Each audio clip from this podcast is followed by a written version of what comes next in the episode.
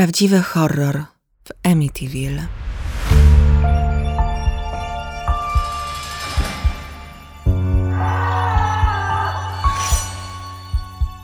Historia, którą wam opowiem, z pozoru jest jednoznaczna.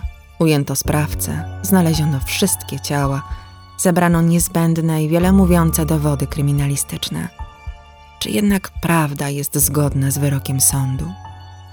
Czy kłamstwa i lawirowanie nie tylko sprawcy, ale i organów ścigania pozwalają zrozumieć w pełni to, co wydarzyło się listopadowej nocy w Amityville? I czy rzeczywiście w domu, w którym dokonano masakry, szaleją niebezpieczne demony? Posłuchajcie.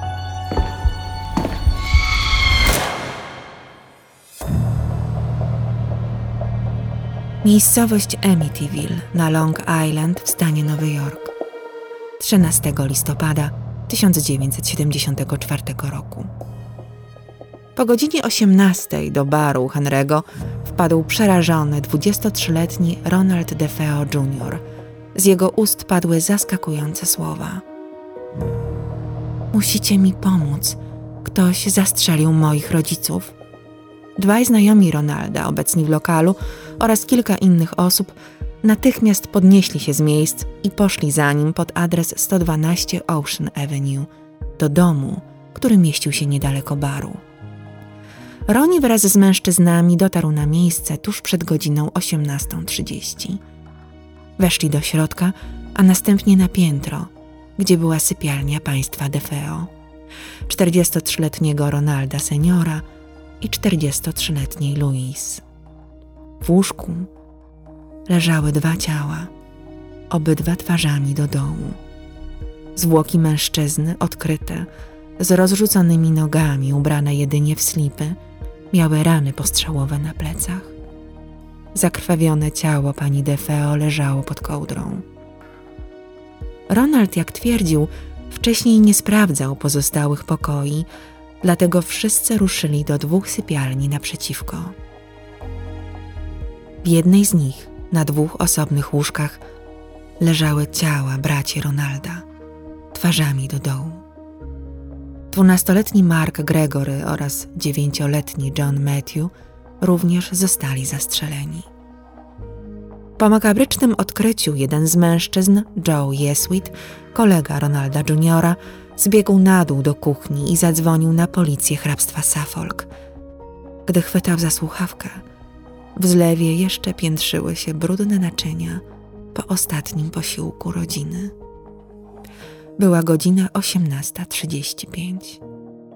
Operator, który przyjął zgłoszenie, zapytał: Ktoś został ranny? Joe odpowiedział niepewnie: Tak, nie wiem, co się stało. Dzieciak przybiegł do baru, mówił, że wszyscy w rodzinie zginęli, a my tu przyjechaliśmy. Na pytanie policjanta, ile jest ciał, Joe nie potrafił odpowiedzieć. Na razie znaleźli cztery i zrezygnowali z dalszego przeszukiwania domu. W oczekiwaniu na przyjazd funkcjonariuszy stanęli na podjeździe. Policja przybyła bardzo szybko. Po niej dotarli detektywi z Wydziału Kryminalnego. Podjechali pod imponujący dom w stylu kolonialnym. Przed frontem, na słupie z numerem posesji, zobaczyli elegancki biały szyld z napisem Big Hopes wielkie nadzieje. Policjanci weszli do środka, zerkając na zadbany trawnik i uporządkowany ogródek z religijnymi figurami ustawionymi między krzakami. Wnętrze domu było przytulne, urządzone w ciepłych barwach, może nie z przepychem, ale na pewno dowodziło, że jego mieszkańcy byli dość zamożni. Po schodach, wzdłuż których na ścianach widniały portrety domowników, dostali się na piętro. Po prawej stronie, w sypialni Defeo, zobaczyli rzeczywiście zwłoki dwóch osób. Na podłodze leżały ułożone w krajobraz puzzle. Pasja pani domu. Na komodzie naprzeciwko małżeńskiego łoża stały figurki świętych i wciąż paliła się wotywna świeca, zapewne jedyne źródło światła w chwili morderstwa. Życie zostało zatrzymane w najbardziej banalnym momencie – Ofiary położyły się spać dokładnie tak, jak każdego innego wieczoru, z przekonaniem, że nazajutrz będzie kolejny zwykły dzień. Big Ronnie, czyli Ronald Senior, za trzy dni skończyłby 44 lata. Ich świat miał trwać. Nie spodziewali się najgorszego. Kolejne ciała policja odkryła w sypialni chłopców, po lewej stronie od schodów. Przy łóżku dwunastolatka wciąż stał wózek inwalidzki, z którego korzystał z powodu kontuzji nogi odniesionej podczas meczu piłki nożnej. Policjanci zerknęli do następnej sypialni. Wystarczyło uchylić drzwi, naprzeciwko których stało łóżko trzynastoletniej Ellison. Dziewczynka leżała martwa, twarzą do dołu. Kałuża krwi zastygła na podłodze. Ostatnia sypialnia mieściła się wyżej, na poddaszu. Osiemnastoletnia Don również nie żyła. W jasnym, dziewczęcym wciąż pokoju był idealny porządek, tak jak w pokojach innych dzieci. Na toaletce stały równo ustawione kosmetyki, na krześle leżał ulubiony pluszak. Zwłoki dziewczyny, przykryte różową kołdrą, leżały twarzą do dołu na łóżku. Po wstępnych oględzinach policjanci ustalili, że dorośli zginęli od dwóch strzałów każdy, dzieci od pojedynczych. Cała rodzina została zabita z karabinu Marlin 336C kalibru 35, jednej z najpopularniejszych w Stanach Zjednoczonych broni myśliwskiej. Niedługo okaże się, że matka Louise oraz 13-letnia Ellison nie spały w chwili egzekucji. Ronald Jr., Roni, jedyny z całej rodziny DeFeo, przeżył masakrę.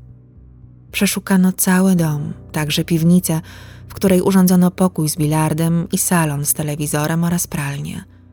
Na schodach do piwnicy i przy pralkach leżały porzucone szmaty, na razie ich nie ruszano. W ogrodzie panował mrok, z pomiędzy roślin wyłaniały się jedynie figury świętego Józefa i ołtarz serca Pana Jezusa ustawiony pod kuchennym oknem. Policjanci minęli basen przykryty pokrywą i liśćmi. Piłka do koszykówki wymownie zatrzymała się na jego krawędzi, tak jak życie w domu przy Ocean Avenue. Nie znaleziono żadnych śladów napastnika lub napastników w garażu, ani w dwóch ustawionych przy ulicy samochodach pana i pani DeFeo oraz w szopie na Łódź. Pies rodziny, Shaggy, przywiązany był przed szopą. Nic mu się nie stało. Na czas przeszukania zamknięto go w samochodzie Roniego, niebieskim Buicku Elektra. W ciągu następnych dni policja wysłała do basenu nurków, by szukali narzędzia zbrodni. Niczego nie znaleźli. Lekarz sądowy ustalił czas zgonu wszystkich ofiar na tuż po godzinie trzeciej nad ranem. Nie było śladów, by ktokolwiek stawił opór mordercy lub mordercom. Żadna z ofiar nie została odurzona, uśpiona czy w inny sposób pozbawiona przytomności przed śmiercią. Z pięknego domu przy 112 Ocean Avenue, otoczonego teraz policyjną taśmą, wyniesiono w workach sześć ciał na oczach wstrząśniętych sąsiadów, tłoczących się od strony ulicy. Początkowo policja uznała, że 23-latek pozostaje w niebezpieczeństwie jako jedyny żywy członek rodziny. Przesłuchano go od razu, najpierw w domu sąsiadów, który stał się bazą detektywów, a potem zabrano Ronalda na komisariat. Poprosił, by zwracano się do niego Butch, tak jak wołała na niego rodzina i znajomi. Młody DeFeo sugerował, że egzekucji musiał dokonać mafijny, płatny morderca, Luis Falini, który niedawno pokłócił się z jego ojcem. Jednak policjanci od razu dostrzegli i zrozumieli, że wiele z tego, co opowiada, nie zgadza się z tym, co zastali na miejscu zbrodni. Mimo wszystko sprawdzono Faliniego. Miał alibi. Przebywał poza stanem Nowy Jork, gdy ginęli po kolei członkowie rodziny DeFeo. Co robił Ronald? Czy on miał alibi? Czemu nie został zastrzelony jak pozostali? Przecież nie miało to sensu. Ronald twierdził, że w nocy 13 listopada niczego nie słyszał. Do późna oglądał film wojenny w piwnicy. Około drugiej zasnął przed telewizorem. Rano, nikogo nie budząc, po prostu wyszedł z domu. Był na chwilę w pracy, a potem przez większość dnia pił. Wpadł także do baru u Henry'ego. Wyszedł stamtąd prosto do domu. Zastał zamknięte drzwi. Nie miał kluczy przy sobie, więc zaniepokojony faktem, że nikt z rodziny nie reaguje na jego dobijanie się, a na podjeździe stoją obydwa auta matki i ojca, wybił szybę i dostał się do środka. Po szokującym odkryciu w sypialni matki i ojca, zamiast zadzwonić na policję, pojechał z powrotem do baru z wieścią, że jego rodzice nie żyją. Dalszy ciąg już znacie. Gdy Ronald przebywał na komisariacie przez kolejną dobę, policjanci wciąż przeczesywali dom i posesję. 15 listopada w nocy w sypialni młodego mężczyzny znaleziono we wnęce podłużne pudełka po karabinach Marlin kalibru 22 i 35. Połączono te informacje z oceną eksperta balistycznego, który wskazał na właśnie ten typ broni jako narzędzie zbrodni. Gdy rankiem obudzono Ronalda śpiącego na pryczy w archiwum komisariatu, odczytano mu jego prawa. Upierał się, że jest niewinny. Na dowód swoich słów nie chciał nawet wzywać adwokata, przecież nic nie miał na sumieniu. W trakcie kolejnych godzin kręcił i lawirował, zmieniał zeznania. W jednej z wersji Falini wraz z towarzyszącym mu nieznanym mężczyzną obudził go w nocy, przystawił mu pistolet do głowy i przeprowadził od pokoju do pokoju, mordując na jego oczach bliskie mu osoby. Nieprawdopodobna historia, prawda? Gdyby tak właśnie miało się to odbyć, Falini nie pozostawiłby świadka przy życiu. Tak też pomyśleli detektywi. Ostatecznie Ronald DeFeo przyznał się, że sam zamordował rodzinę. Powiedział wprost. Kiedy już zacząłem, po prostu nie mogłem przestać. Poszło tak szybko. Po morderstwie wykąpał się i przebrał i poszedł do pracy, jak gdyby nigdy nic. Wskazał policji, gdzie porzucił poplamione krwią ubranie, które włożył do poszewki na poduszkę, futerał na karabin i naboje. Wrzucił to wszystko do kratki ściekowej na końcu ulicy Ocean Avenue. We wskazanym miejscu odnaleziono dwa pudełka z amunicją, osiem zużytych łusek, czarny futerał i brązową kaburę. W poszewce w niebiesko-białe prążki upchnięte były żółty ręcznik, niebieskie ogrodniczki, niebieska koszula, para czarnych skarpetek, zielone slipy i jeszcze jedna pusta poszewka. Ronald Joseph DeFeo Jr. urodził się 26 września 1951 roku na Brooklynie w Nowym Jorku, podobnie jak jego rodzice. Rodzina miała włoskie korzenie. Babcia Ronalda Jr., Antoinette, urodziła się jeszcze we Włoszech. Ronald DeFeo senior początkowo pracował jako robotnik w fabryce tekstyliów. Później zatrudnił go teść, Michael John Brigante senior, który prowadził z powodzeniem salon samochodowy Buicka na Brooklynie. W lipcu 1965 roku rodzina przeniosła się do Amityville. Miejscowość nie była i nadal nie jest duża. Obecnie zamieszkuje ją około 10 tysięcy mieszkańców. W latach 60. było ich nieco więcej. Większość dojeżdżała do pracy do odległego 50 kilometrów na zachód Nowego Jorku. DeFeo stać było na bardziej wystawny tryb życia i wspaniały dom. Posiadłość rzeczywiście po dziś dzień robi wrażenie. Okazały piętrowy dom holenderski w stylu kolonialnym, z zaadaptowanym poddaszem, basenem, garażem, hangarem na łódź i dostępem przez prywatną przystań do Wielkiej Zatoki Południowej. Cała okolica pełna była podobnych nieruchomości. Tu też zjeżdżali się bogaci letnicy, przyciągały ich atrakcyjne plaże i ośrodki jachtowe. Ronald senior postawił od ulicy słup z szyldem. Wielkie nadzieje. Louise właśnie była w ciąży z ich piątym dzieckiem. Czekała ich wspaniała przyszłość pod nowym, prestiżowym adresem. W tym zadbanym i przytulnym domu życie rodziny przebiegało burzliwie. Dominujący Ronald senior był porywczy i przemocowy wobec bliskich. Szczególnie obrywało się uległej i łagodnej żonie Louise oraz pierworodnemu Buczowi. Chłopak w czasach szkolnych był niskim dzieckiem z nadwagą, co bezwzględnie piętnowali jego rówieśnicy. Ojciec namawiał syna, by walczył o swój autorytet siłą, tak jak on. I rzeczywiście Buczko posłuchał. Wdawał się w bójki nie tylko w szkole, także w domu i to z ojcem. Sprawiał na tyle dużo problemów, że Defeo umówił go na wizytę u psychiatry po tym, jak ciężko pobił siostrę, o pięć lat młodszą od niego Don. Agresja chłopaka była co najmniej niepokojąca i wciąż narastała. U lekarza Butch nie chciał rozmawiać, wypierał się zarzucanych mu zachowań. To była pierwsza i ostatnia wizyta. Zamiast jednak temperować charakter Bucza, rodzice stosowali mało skuteczną metodę wychowawczą. Jego napięcia łagodzili prezentami. Czternastolatkowi kupili łódź, ścigacz za kilkanaście tysięcy dolarów. Pieniądze zresztą były na każde jego żądanie. W wieku 17 lat został wyrzucony ze szkoły i więcej do niej nie wrócił. Jeszcze tego samego dnia otrzymał od ojca samochód. Od tamtej pory dokonywał drobnych kradzieży, brał narkotyki i oddawał się swojej pasji. Polował. Uwielbiał broń, sporo o niej wiedział, a nawet pokątnie nią handlował. W wieku 18 lat zaczął pracę w salonie Buicka u dziadka.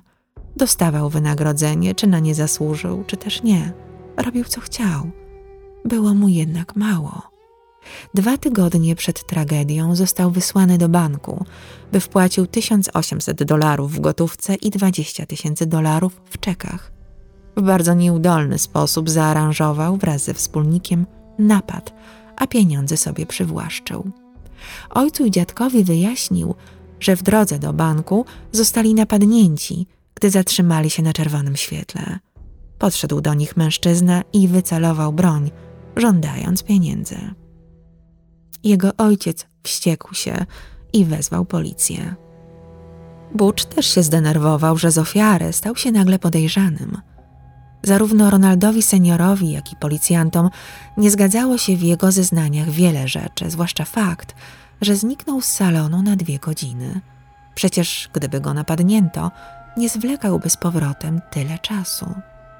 Chłopak, zamiast się tłumaczyć, zaczął walić rękami w maskę samochodu. Policja miała wątpliwości, ale ojciec wiedział już, co się wydarzyło naprawdę. Znał syna. Na kilka dni przed feralną nocą policja zadzwoniła do Defeo, żeby jego syn stawił się na komisariat. Miał obejrzeć zdjęcia potencjalnych podejrzanych.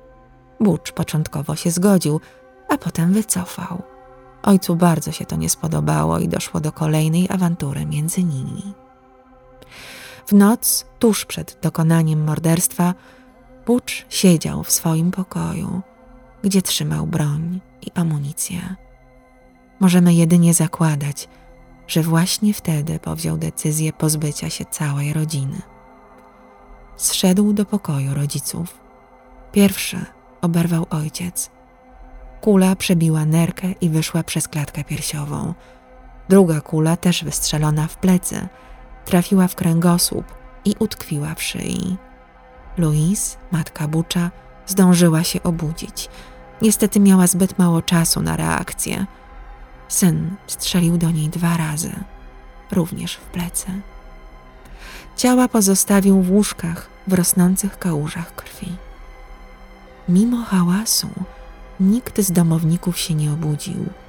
Szczekał tylko szagi, który słyszał strzały i psim instynktem wiedział, że w domu dzieje się coś bardzo złego.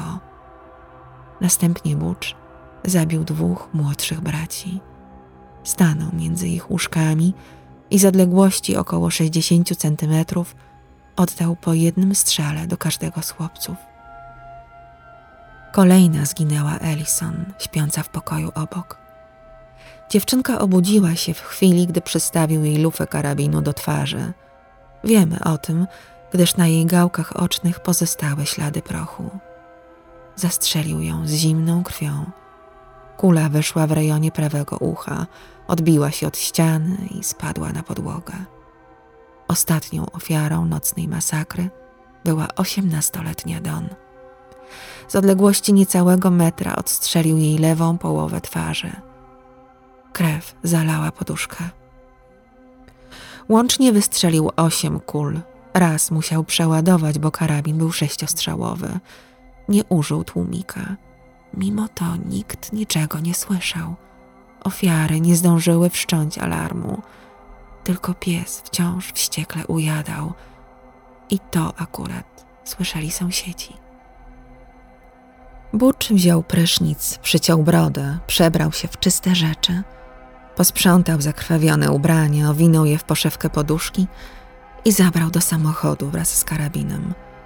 Po drodze wyrzucił poszewkę do kanału burzowego, a broń do zatoki. Następnie dotarł, jak gdyby nigdy nic, do pracy. Była szósta rano. Kilka razy dzwonił zatroskany do domu. Znudzony wyszedł z salonu wcześniej, około południa, i było to jednak nic niezwykłego. Poszedł do barów, kupił nieco narkotyków, zrobił zakupy z przyjaciółką w centrum handlowym, a w końcu wylądował w barze u Henry'ego. 23-latek nie miał dobrych relacji z ojcem. Pytanie, czy to wystarczyło na motyw zbrodni? W pewnym momencie podczas przesłuchania zapytał policjantów, co musi zrobić, by odebrać pieniądze z ubezpieczenia ojca. Dlatego później, podczas procesu, prokurator sugerował, że motyw był także finansowy. Okazało się to naciągane. Policja w sypialni państwa DFO odkryła pod dywanem kopertę z gotówką, nienaruszoną.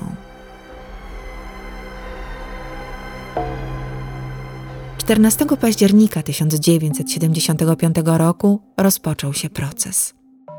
Pierwszy mowę wstępną wygłosił młody prokurator Gerard Sullivan. Zwrócił się do przysięgłych. Panie i panowie przysięgli, ta sprawa zmieni każdego z was w pewnym stopniu. Opuścicie salę sądową być może za miesiąc po wydaniu wyroku, niosąc ze sobą trwałe wspomnienie horroru, który wydarzył się w środku nocy 11 miesięcy temu w domu przy 112 Ocean Avenue. Wyznaczony przez sędziego adwokat William Weber przyjął starą taktykę. Utrzymywał, że jego klient jest niepoczytalny, że wpadł w szpony szaleństwa. Nie udało mu się oddalić sprawy, choć próbował przeforsować wersję, że Buczowi uniemożliwiono skorzystanie z adwokata w chwili, gdy miał składać zeznania. Mężczyzna sam jednak zrezygnował wówczas z obecności obrońcy, co skwapliwie zarejestrowano. Weber twierdził ponadto, że zeznania złożone zostały pod przymusem w wyniku zastosowanej przemocy fizycznej wobec aresztowanego. Oddalono jednak jego zażalenia, które, tu muszę podkreślić, nawet nie zostały skierowane do zbadania przez sędziego. Kolejny znak zapytania w tej sprawie.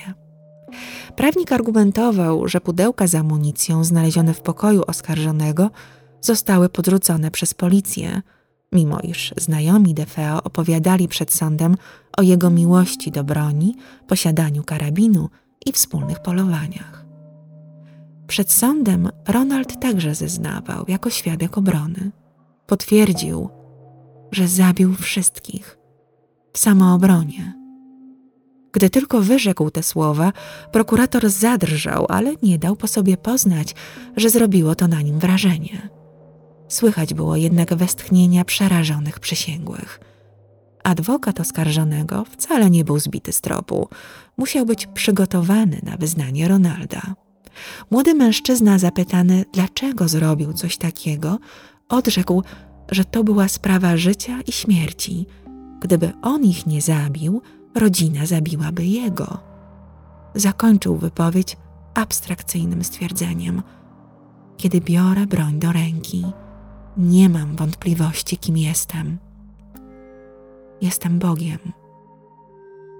Ronald, by podtrzymywać wersję niepoczytalności, Upierał się, że słyszał w głowie głosy, które kazały mu zabić rodzinę. Słyszał, że rodzice i rodzeństwo spiskują przeciwko niemu. Twierdził, że opętał go szatan. Biegły psychiatra obrony Daniel Schwartz, odpowiednio wynagrodzony przez rodzinę oskarżonego, potwierdził niepoczytalność Ronalda. Postać psychiatry możecie kojarzyć z procesu Davida Berkowica, osławionego syna sama, seryjnego mordercy z Nowego Jorku, którego Schwartz też uznał za obłąkanego. Przeciwnego zdania był biegły psychiatra oskarżenia dr Harold Zolen. Owszem, Ronald zażywał heroinę i LSD, był urodzonym psychopatą, ale w mniemaniu eksperta pozostawał w pełni świadomy tego, co robi, odbierając życie swoim najbliższym. Sędzia procesowy Thomas Stark wygłosił swój prywatny osąd, że zbrodnie DeFeo były najohydniejszymi morderstwami popełnionymi w hrabstwie Suffolk od czasu jego powstania. W trakcie procesu szale przechylały się raz na stronę oskarżenia, raz na stronę obrony. Wynik nie był jednoznaczny. Herman Reis, były doświadczony detektyw policji z Long Island, został zatrudniony przez dziadka oskarżonego do zbadania sprawy. Sam Michael Brigante zeznawał w przekonaniu, że jego wnuk jest niewinny. Zatrudniony śledczy odkrył, że najprawdopodobniej gangsterskiej egzekucji dokonały co najmniej trzy, cztery osoby przy użyciu dwóch różnych sztuk broni. Wskazał, że policja nie wyjaśniła, skąd wzięła się wojskowa latarka, która leżała na fotelu w korytarzu przed sypialnią rodziców. Wszystkie działania i starania Brigante były na próżno. Sąd nie wziął pod uwagę prywatnego śledztwa rodziny oskarżonego. 21 listopada 1975 roku przysięgli uznali Ronalda Josefa DeFeo Jr. winnym sześciu morderstw drugiego stopnia. Dwa tygodnie później, 4 grudnia, sędzia Stark skazał go na sześć wyroków dożywocia z możliwością ubiegania się o warunkowe zwolnienie po 25 latach odsiadki. Skazany odbywał karę w więzieniu o zaostrzonym rygorze dla mężczyzn w Fallsburg w stanie Nowy Jork. 60% osadzonych tam więźniów to bestie, ludzie, którzy dokonali najgorszych zbrodni i odsiadują za nie wyroki dożywocia. Przebywał tu jakiś czas wspomniany David Berkowitz oraz aż do swojej śmierci Arthur Shawcross, przerażający, seryjny morderca z nad rzeki Genesee. DeFeo wiele razy próbował apelować. Osiem razy składał wnioski o przedterminowe zwolnienie. Za każdym razem je odrzucano. Po skazaniu opowiadał inne wersje wydarzeń. Historia zbrodni w domu przy 112 Ocean Avenue była przez niego przedstawiana w różnym świetle, ale za każdym razem on był winny tylko jednego morderstwa. W marcu 1986 roku udzielił wywiadu Bobowi Killerowi dla dziennika Newsday. Był to pierwszy jego wywiad od chwili ogłoszenia wyroku 11 lat wcześniej. Rozmowa odbyła się w zakładzie karnym Attica. Podczas dwójpółgodzinnej rozmowy zrzucił winę za swoje zbrodnie na matkę i siostrę. Odcinał się w wywiadzie od wszelkich okultystycznych wątków, które narosły od czasu masakry, o czym opowiem wam za chwilę. Miał serdecznie dość, że w więzieniu wołano na niego Mister Amityville lub Mister Horror. Nie chciał uchodzić za opętanego. Oskarżenie uznało, że jego nowa wersja wydarzeń, kompletnie niespójna z dowodami ujawnionymi na miejscu zbrodni, wskazuje jedynie na to, że Ronaldowi brakuje uwagi i szumu wokół jego osoby. Znów chciał być w centrum zainteresowania. Ojciec matki, Michael Brigante, już nie żył. Nie musiał się go obawiać, tak jak to było wcześniej. Swobodnie opowiadał o trudnej sytuacji w rodzinnym domu, o przemocowym ojcu, który często bił żonę. Senior miał też sporo innych grzechów na sumieniu. Między innymi prowadził poza salonem samochodowym serwis kradzionych silników do łodzi. Miał również silne powiązania z nowojorską mafią. Butch doskonale widział, co się dzieje. Narkotyki i alkohol były jego formą ucieczki od rodziny. Szastał pieniędzmi od ojca w barach w Amityville, Brooklynu, Manhattanu i New Jersey. Wywiad odbywał się w towarzystwie jego partnerki, Geraldine, którą nazywał swoją żoną. Tajemnicza Geraldine również dostała swoją historię, a może legendę? Ronald twierdził, że poznał ją w jednym z barów w listopadzie 1973 roku, rok przed morderstwami. Kobieta miała już dwie córki z innym mężczyzną, ale jemu to nie przeszkadzało. Oboje o dziwo utrzymywali, że doczekali się córki, Stefani. Dziewczynka urodziła się w New Jersey 21 sierpnia 1974 roku. Wbrew ich opowieściom w stanowym archiwum nie znaleziono żadnego wpisu na temat ich dziecka nie tylko w sierpniu, ale i w całym roku. 17 października tego roku podobno pobrali się w Long Branch. Kopia aktu ślubu, którą przedstawili dziennikarzowi, nie pokrywała się z żadnym wpisem w rejestrze. Co więcej, pracownik, który podobno podpisał się na dokumencie, w rzeczywistości od 10 lat nie pracował w Urzędzie Stanu Cywilnego. Posłuchajcie, jak Ronald przedstawił wydarzenia koszmarnej nocy. W dniu poprzedzającym masakrę 12 listopada 1974 roku Ronald był w domu wraz z Geraldine i dziećmi. Pił z bratem partnerki, Richardem Romondą i brał heroinę. Około godziny 20 zadzwoniła jego matka, Louise. Przerażona krzyczała do słuchawki, błagając, by przyjechał jak najszybciej. Ojciec i Don strasznie się kłócili. Osiemnastolatka zakomunikowała, że chce się wyprowadzić na Florydę razem ze swoim chłopakiem, czemu Ronald senior stanowczo się sprzeciwiał. Akurat ten szczegół był prawdą, potwierdziła go koleżanka Don. DeFeo senior nadużywał swojego ojcowskiego autorytetu. Robił też groźne wrażenie samą swoją posturą. Był masywnym, dobrze zbudowanym mężczyzną ważącym ponad 120 kg. Chociaż w domu to on rozdawał karty, w rodzinnej hierarchii stał nad nim teść, Michael Brigante. To on spłacił nieruchomość przy Ocean Avenue, to on zatrudniał zięcia i wnuka w salonie. Córkę zasypywał prezentami. Gdy prosiła o perfumy, wysłał jej całą skrzynkę. Gdy potrzebna jej była pralko-suszarka, dostała dwie. Jednocześnie pozwalał, by jej mąż znęcał się nad nią psychicznie i fizycznie.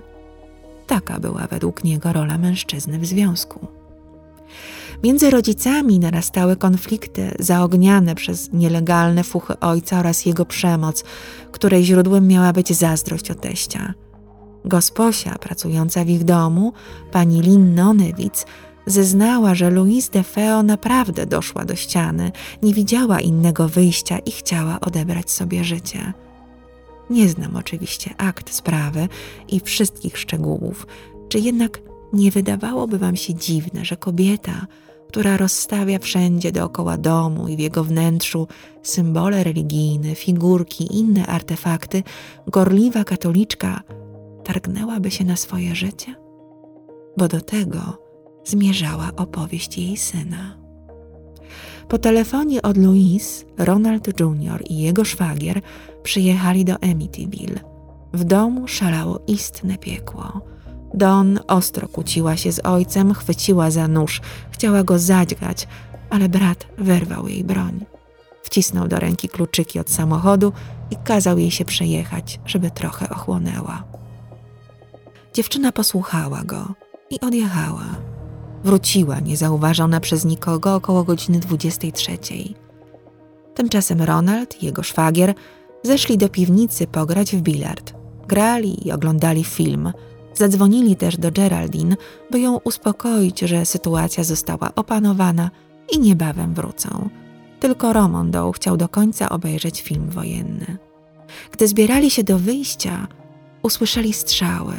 Pobiegli na piętro. W sypialni rodziców Louise leżała na łóżku postrzelona. Obok niej ciało ojca z dwiema ranami postrzałowymi na plecach. Ronald chwycił karabin, który leżał na podłodze i dobił matkę. Potem poszedł do pokoju młodszego rodzeństwa. Wszyscy nie żyli. Ronald dopowiedział sobie historię, że Don zastrzeliła ojca. Matka wpadła wtedy w rozpacz, zamordowała w odwecie córkę oraz trójkę młodszych dzieci. Na koniec strzeliła do siebie. Gdy Butch pojawił się na miejscu krwawych wydarzeń, Louise dogorywała. Przytomny Romondo zebrał łuski i inne dowody, przekonany, że policja zrzuci winę na jedynego członka rodziny, który pozostał przy życiu na Ronalda. Mężczyźni posprzątali i wrócili do Geraldine około czwartej rano. Ronald pojechał od razu do Harlemu po heroinę i przez jakiś czas włóczył się bez celu. Na kilka godzin zapomniał o tym, co się stało. Pojawił się w pracy, potem w barze u Henry'ego i wszczął alarm. Przez lata nie miał kontaktu z Geraldine i córką, by je chronić. Dopiero od roku kobieta odwiedzała go w więzieniu. Jak to połączyć ze znanymi już faktami i dopasować do nowej wersji? Eksperci orzekli, że rany matki nie mogły zostać zadane przez nią samą. Oczywiście nasuwa się pytanie, czemu dopiero po 11 latach Roni wyznał prawdę? Usprawiedliwiał to strachem. Wcześniej wziął winę na siebie, gdyż nie chciał powiedzieć prawdy dziadkowi, Michaelowi Brigante. Drugą osobą, której się obawiał, był wuj jego ojca, Peter DeFeo, capo regime z rodziny mafijnej Genovese. Wuj miał pod sobą załogę żołnierzy i podlegał bezpośrednio tylko Donowi, capo di tutti i capi. Był nowojorskim gangsterem, wówczas 72-letnim, który większość swoich interesów prowadził w Little Italy. Między innymi kontrolował zakłady bukmacherskie oraz wyłudzał pieniądze od firm budowlanych i transportowych pracujących w budownictwie. Aż do początku lat 80. był ważną personą w Nowym Jorku. Tuż po uwięzieniu Ronalda wuj odwiedził go w areszcie i zmusił do zrzeczenia się praw do zarządzania majątkiem ojca na rzecz dziadka, Rocka. Prawnicy Michaela Brigante z kolei odebrali mu prawa do administrowania spadkiem po matce. W chwili, gdy Ronald Jr. opowiadał nową wersję wydarzeń, ani nieżyjący dziadek, ani pozbawiony wpływów wuj nie mogli mu już zaszkodzić. Także przesłuchujący go policjanci byli w niezłych tarapatach. Wyszło wówczas na jaw, że nadużywali swojej władzy, zmuszając niejednego podejrzanego do przyznania się do winy. Stosowali zastraszanie, groźby i przemoc. Być może opowieści o tym, że Ronald był bity książką telefoniczną, a przed sądem stawił się z posiniaczoną twarzą, wcale nie były tak odległe od prawdy. W 1990 roku jego obrońca złożył wniosek o uchylenie wyroku skazującego. Tym razem powstał kolejny scenariusz. W nowej wersji wydarzeń Don i nieznany napastnik, który uciekł zanim Ronald zdążył go dobrze zobaczyć, zabili jego rodziców. Siostra potem sama zastrzeliła resztę rodzeństwa. Ronald z kolei zabił ją, tylko ją. Czyli pamiętacie, pierwszej wersji zabija osobiście wszystkich, w drugiej tylko dobija matkę, w trzeciej zabija siostrę. W ostatniej relacji nie było to morderstwo z zemsty czy premedytacji, lecz doszło do niego podczas walki o broń. Znów opowiadał o swojej domniemanej żonie i jej bracie, świadku również i tych wydarzeń. Obrona niestety nie znalazła jego szwagra, który podobno wyjechał ze stanu i zmienił nazwisko. Prokuratura wprost dowiodła, że ów człowiek nie istniał. Natomiast Deus ex machina w tej historii, czyli Geraldine Gates, w czasie zbrodni mieszkała na północy stanu Nowy Jork – Przede wszystkim jednak była żoną kogoś zupełnie innego. W 1990 roku kobieta nie składała żadnych wyjaśnień, które pomogłyby Ronaldowi. Już wcześniej, pod przysięgą, zeznała, że jej domniemany brat Richard Romondow był fikcyjną postacią. DeFeo poślubiła dopiero w 1989 roku, a nie w 1974, jak twierdził jej partner. Po roku 2000 pojawiła się jeszcze jedna wersja. Ronald miał dokonać zbrodni wraz z siostrą Don i dwoma przyjaciółmi, Oji DeGenero i Bobim Kalske, narkomanem pojawiającym się już wcześniej w jego pierwszych zeznaniach. Motyw? Dowiedział się, że rodzice planują go zabić.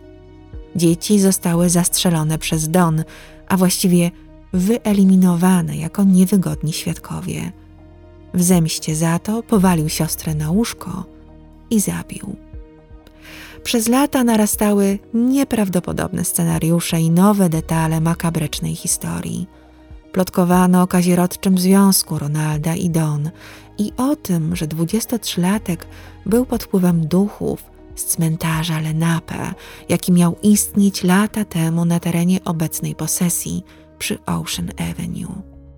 Żaden z historyków ani wodzów rdzennych Amerykanów nie potwierdził, by taki cmentarz kiedykolwiek istniał.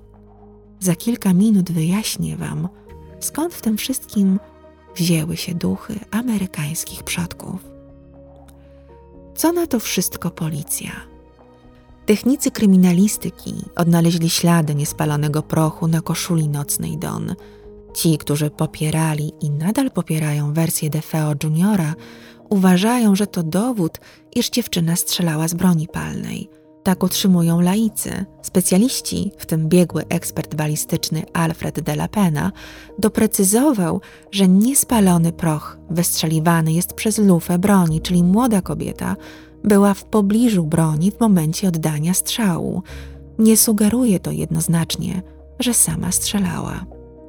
Lekarze nie znaleźli niczego, co wskazywałoby na udział osiemnastolatki w bójce z ojcem, matką lub bratem miała jedyną ranę ranę postrzałową głowy. Geraldine Gates poznała Ronalda dopiero w 1985 roku, pobrali się cztery lata później, rozwiedli w 1993 roku. Gdzie leży prawda? Nigdy się nie dowiemy. Ronald Joseph DeFeo Jr. zmarł w wieku 69 lat 12 marca 2021 roku o godzinie 18.35 w Albany Medical Center. Oficjalnej przyczyny zgonu nie podano do publicznej wiadomości.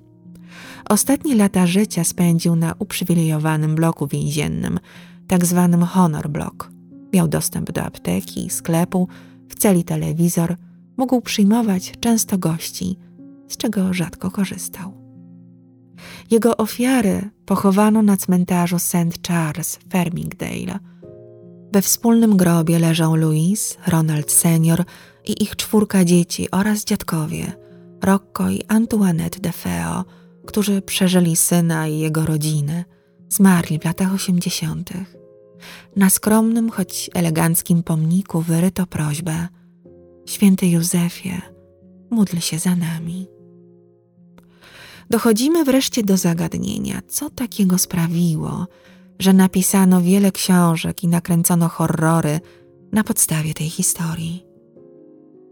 Książka Jaya Ensona The Amityville Horror A True Story ukazała się 13 września 1977 roku. Miała formę reportażu na temat pobytu rodziny Luców w domu przy 112 Ocean Avenue. George, Kathleen Lutz i ich trójka dzieci wprowadzili się do posiadłości DeFeo w grudniu 1974 roku. Na początku byli zachwyceni. Rozległy dom kosztował tylko 80 tysięcy dolarów. To było spełnienie ich marzeń. Lucowie doszli do wniosku, że poradzą sobie z tragiczną przeszłością tego miejsca. Podobno ksiądz Ray Pecoraro, który pobłogosławił budynek, poczuł uderzenie niewidzialną ręką i usłyszał rozkaz: Wynoś się. Po tym wydarzeniu duchowny rozchorował się na grypę. Mimo to Lucowie nie zrezygnowali. Po kilku dniach od wprowadzenia się zaczęli odczuwać i dostrzegać niepokojące sygnały. Rodzina czuła dziwne zapachy, które pojawiały się i znikały. Słyszała przerażające odgłosy. Drzwi wejściowe otwierały się i zatrzaskiwały w środku nocy. W powietrzu unosił się cmentarny powiew i chłód. Nie można było w żaden sposób ogrzać domu. Nie pomagało palenie w kominku dzień i noc. Czasem pani Lutz zmieniała się w odbiciu w lustrze w zniedołężniałą, pomarszczoną dziewięćdziesięcioletnią kobietę. Lutz jakoby budził się codziennie o 3.15 nad ranem, w godzinie masakry. Słyszał, jak łóżka jego dzieci piętro wyżej podnoszą się i opadają. Nie był w stanie nic z tym zrobić, bo jakaś siła trzymała go nieruchomo w sypialni. Widywał w nocy, jak żona lewituje. Z rogu salonu wyskoczył na niego porcelanowy lew i ugryzł go w kostkę. W piwnicy George widział upiorną głowę Roniego DeFeo Juniora unoszącą się w powietrzu. Przypomnę, Roni jeszcze wtedy żył i miał się całkiem dobrze w więzieniu. Toalety oblepione były czarnym, śmierdzącym mułem, po ścianach spływał zielony szlam, z kranów ciekła krew. Zielony śluz miał tryskać z dziurek od klucza. Widmowa orkiestra marszowa paradowała przez salon. Zjawiały się znikąd roje obrzydliwych much. Lucowie opuścili dom po 28 dniach, nękani zjawiskami paranormalnymi. Zostawili ubrania w szafach i jedzenie w lodówce. Po prostu uciekli. Dorośli instynktownie czuli, że jeśli stamtąd się nie wyprowadzą, dojdzie do realnej, kolejnej tragedii. George Lutz w wielogodzinnym wywiadzie, który był podstawą książki, opowiedział o przykrych doświadczeniach w czasie pobytu w domu. Miesiąc później zorganizował na ten temat konferencję prasową, ujawniając światu, że przy 112 Ocean Avenue straszy duch wodza plemienia Shinnecock. Książkę zekranizowano w 1978 roku w reżyserii Stewarta Rosenberga. Główną rolę zaproponowano Jamesowi Brolinowi, który wcielił się w postać George'a Luca. Czasu na przeczytanie książki miał niewiele. Zaczął czytać o godzinie 17 i kontynuował do drugiej w nocy. W przerwie od czytania poszedł rozwiesić swoje spodnie. Gdy wracał do lektury, one za każdym razem spadały na ziemię. Aktor czuł coraz większe przerażenie. Poddał się wrażeniu, że w tej historii musi być coś niezwykłego i przyjął wyzwanie. Tak jak książka okazała się bestsellerem, tak i ekranizacja pozostała najbardziej dochodowym filmem niezależnym wszechczasów aż do 1990 roku.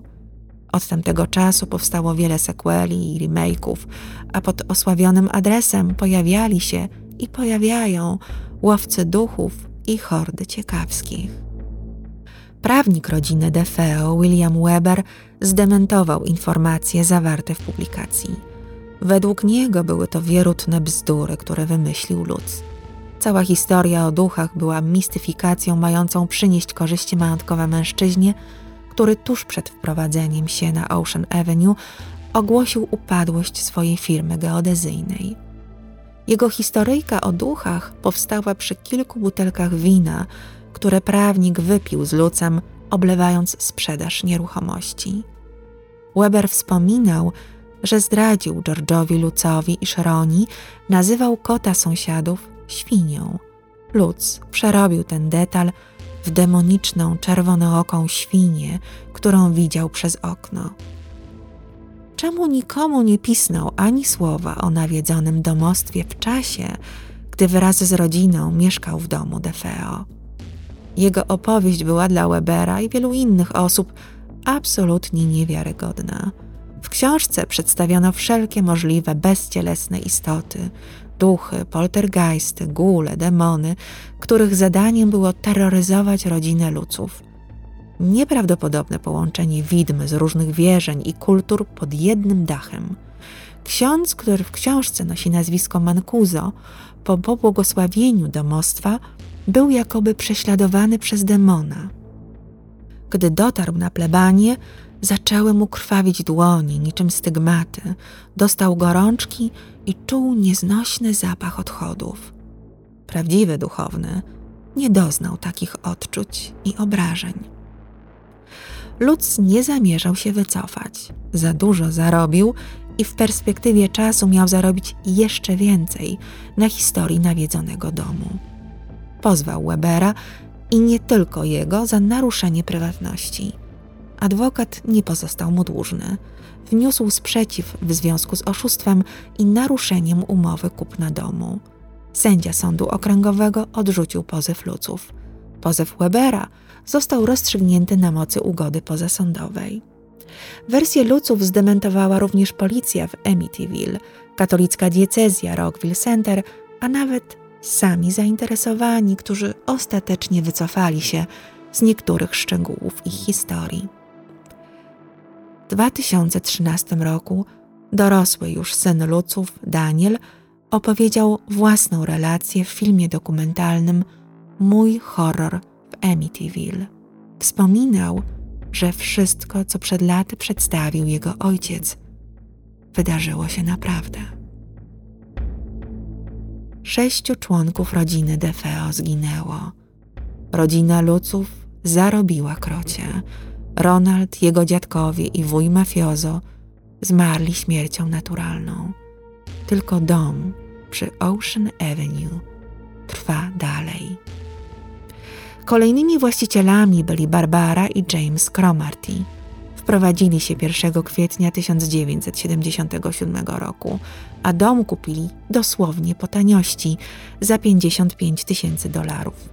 Gdy ukazała się książka Ensona The Amityville Horror a True Story, pięć miesięcy później, para przeżyła rzeczywiście horror – Dom jak magnes przyciągał wandali, gapiów, pijanych amatorów mocnych przeżyć i przede wszystkim poszukiwaczy sił nadprzyrodzonych. Podobnie jak Weber, Cromarty złożył pozew przeciwko autorowi książki, jej wydawcy i samym ludzom. Ich makabryczne rewelacje odbierały im święty spokój – 1979 roku sytuacja była tak napięta i nieznośna, że na jakiś czas wynieśli się do innego domu. Wystąpili też o zmianę adresu. Od tamtej chwili dom stał już nie pod numerem 112, a pod numerem 108. Dokonali ponadto pewnych przeróbek elewacji. W 1982 roku doszło do pozasądowej ugody z Lucami. Państwo Cromarty twierdzili, że nigdy nie doświadczyli żadnych zjawisk paranormalnych. Organizowali nawet prowokacyjnie ogromne imprezy Halloween i żaden duch, upiór czy czerwonooka świnia nigdy się na nich nie pojawiły. Jak powiedziała matka Jamesa Bell Cromarty, to piękny dom i nic nie wylatuje ze ścian. James i Barbara mieszkali tam do 1987 roku. Wyprowadzili się po nagłej śmierci syna kobiety z jej pierwszego związku. Przez kolejnych 10 lat, od 1987 do 1997 roku, właścicielami domu byli Peter i Jean O'Neill. Sprzedali go po podwyżce podatku od nieruchomości, na który nie było ich stać. Brian Wilson kupił dom za 310 tysięcy dolarów w 1997 roku. Mieszkał tam szczęśliwie wraz z żoną i dwójką dzieci. Sprzedał posiadłość za 950 tysięcy dolarów 13 lat później. W 2016 roku ponownie wystawiono go na sprzedaż. Co by nie mówić, to wciąż atrakcyjne miejsce i nieruchomość – pięć sypialni, trzy łazienki i makabryczna przeszłość oraz zła sława nawiedzonego miejsca. Cena znacznie niższa od poprzedniej, jedyne 850 tysięcy dolarów. Chętnych było bardzo wielu, także wśród lokalnych mieszkańców Amityville, świadomych tego, co się wydarzyło i jednocześnie nie przejmujących się tym zupełnie. Musicie wiedzieć, że istnieje cała branża związana z obrotem nieruchomościami, w których popełniono morderstwa. Stoją w biednych dzielnicach i ekskluzywnych enklawach. Ich ceny wahają się od bardzo niskich po niebotyczne. Jedne przechodzą z rąk do rąk bez zmian, inne poddawane są przebudowom. Niemal każdy z nich wpisuje się w amerykański lokalny folklor. Domy, tak zwane psychologically affected czy też stigmatized properties, łączą dwie największe obsesje Amerykanów: handel nieruchomościami i true crime. W domu przy Ocean Avenue, którego początki sięgają roku 1927, zmarło siedem osób. Pierwszy po ciężkiej chorobie zmarł mężczyzna w 1939 roku. 35 lat później sześciu członków rodziny DeFeo. Od czasu morderstw mieszkały w nim cztery różne rodziny. Nikt poza lucami nie skarżył się na zjawiska paranormalne. Można śmiało powiedzieć, że nieruchomość stała się atrakcją turystyczną.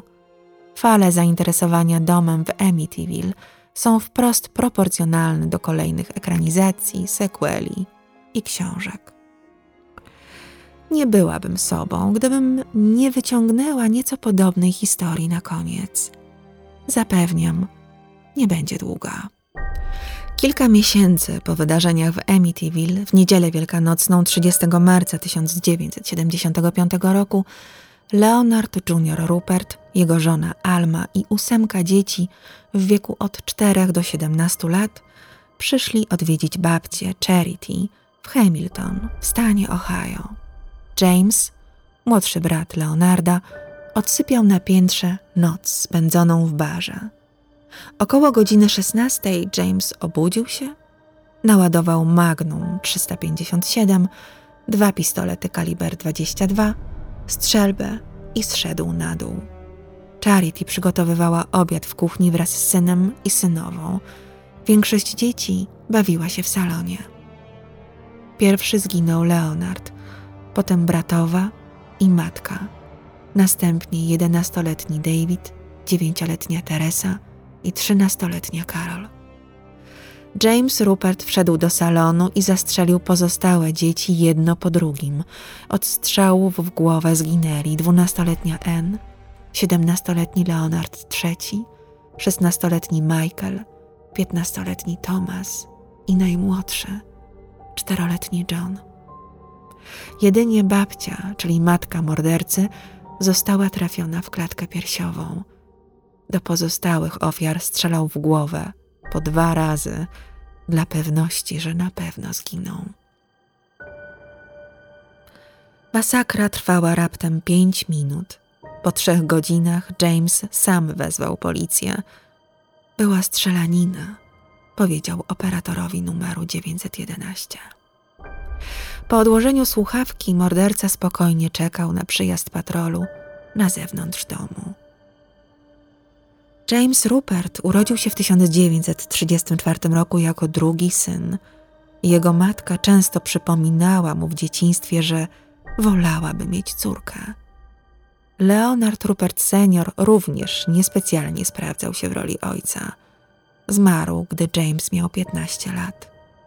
Starszy o dwa lata brat, Leonard Jr., wszedł w rolę ojca, szydził z młodszego Jamesa i wiecznie go strofował. James wyrósł na niepozornego mężczyznę. Ważył 61 kg, mierzył 165 cm. Nieśmiały, zawsze pomocny, cichy i skromny. Nigdy nie miał zatargów z prawem. W 1975 roku wciąż był bezrobotnym, bezdzietnym, 41-letnim kawalerem, który mieszkał z matką. Był chorobliwie zazdrosny o sukcesy brata w życiu rodzinnym i zawodowym. Leonard skończył studia, poślubił byłą dziewczynę Jamesa, miał dom i ośmioro dzieci. Matka Leonarda i Jamesa, Charity Rupert, zrzędziła na problemy młodszego syna z pracą i alkoholem. Groziła nieraz, że wyrzuci go z domu. Ponadto James był zadłużony u niej i u znienawidzonego brata. Miesiąc przed masakrą zadbał o zakup tłumików i amunicji. Jego zachowanie było coraz bardziej nerwowe. Popadał w coraz większą depresję. 29 marca 1975 roku świadkowie widzieli, jak ćwiczy strzelanie do puszek. Noc przed mordem wyszedł z domu, jak to miał w zwyczaju niemal każdego wieczoru. Poszedł do baru i utyskiwał na swój los. Pozostał w lokalu do drugiej trzydzieści nad ranem. Następnego dnia wiecie już, co się stało. 23 lipca 1982 roku został uznany winnym dwóch zarzutów morderstwa. W przypadku dziewięciu pozostałych uznano jego niepoczytalność. Otrzymał dwa wyroki dożywocia z możliwością warunkowego zwolnienia w 2025 roku, gdy osiągnie wiek 91 lat. Karę odbywał w więzieniu stanowym w Ohio. Zmarł 4 czerwca 2022 roku w wieku 88 lat z przyczyn naturalnych we Franklin Medical Center w Columbus, Ohio. Dom Rupertów został rok po masakrze udostępniony zwiedzającym. Wylicytowano wszystko, co się w nim znajdowało. Po wyprzedaży dom uprzątnięto. Nie było łatwo Podłoga dosłownie przesiąkła krwią ofiar, ściekała nawet do piwnicy. Nieruchomość wynajęto rodzinie, która dopiero co sprowadziła się w tę stronę. Nic nie wiedziała o tragedii. Nowi najemcy szybko uciekli, skarżyli się na głosy w nocy i inne dziwne dźwięki. Dom wciąż jest wynajmowany, ale nikt nie zamieszkał w nim na dłużej.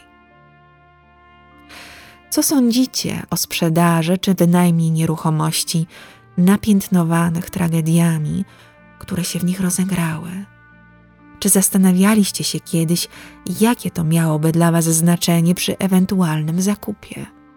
Czy wszystko jest kwestią wiary w zjawiska paranormalne, a może każde z takich miejsc nosi naprawdę znamie krwawej, przerażającej przeszłości, którego nie da się niczym usunąć?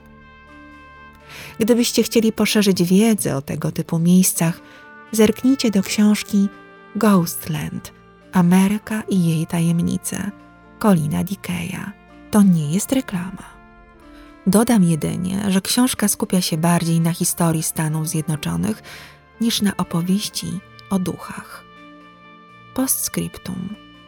Gdybyście chcieli sprawdzić, jak wygląda dom przy 108 Ocean Avenue na Google Street View, zobaczycie jedynie mgłę. Dom został przysłonięty. Być może zbyt wielu ciekawskich zaglądało tam, by przekonać się, jak wygląda obecnie nieruchomość.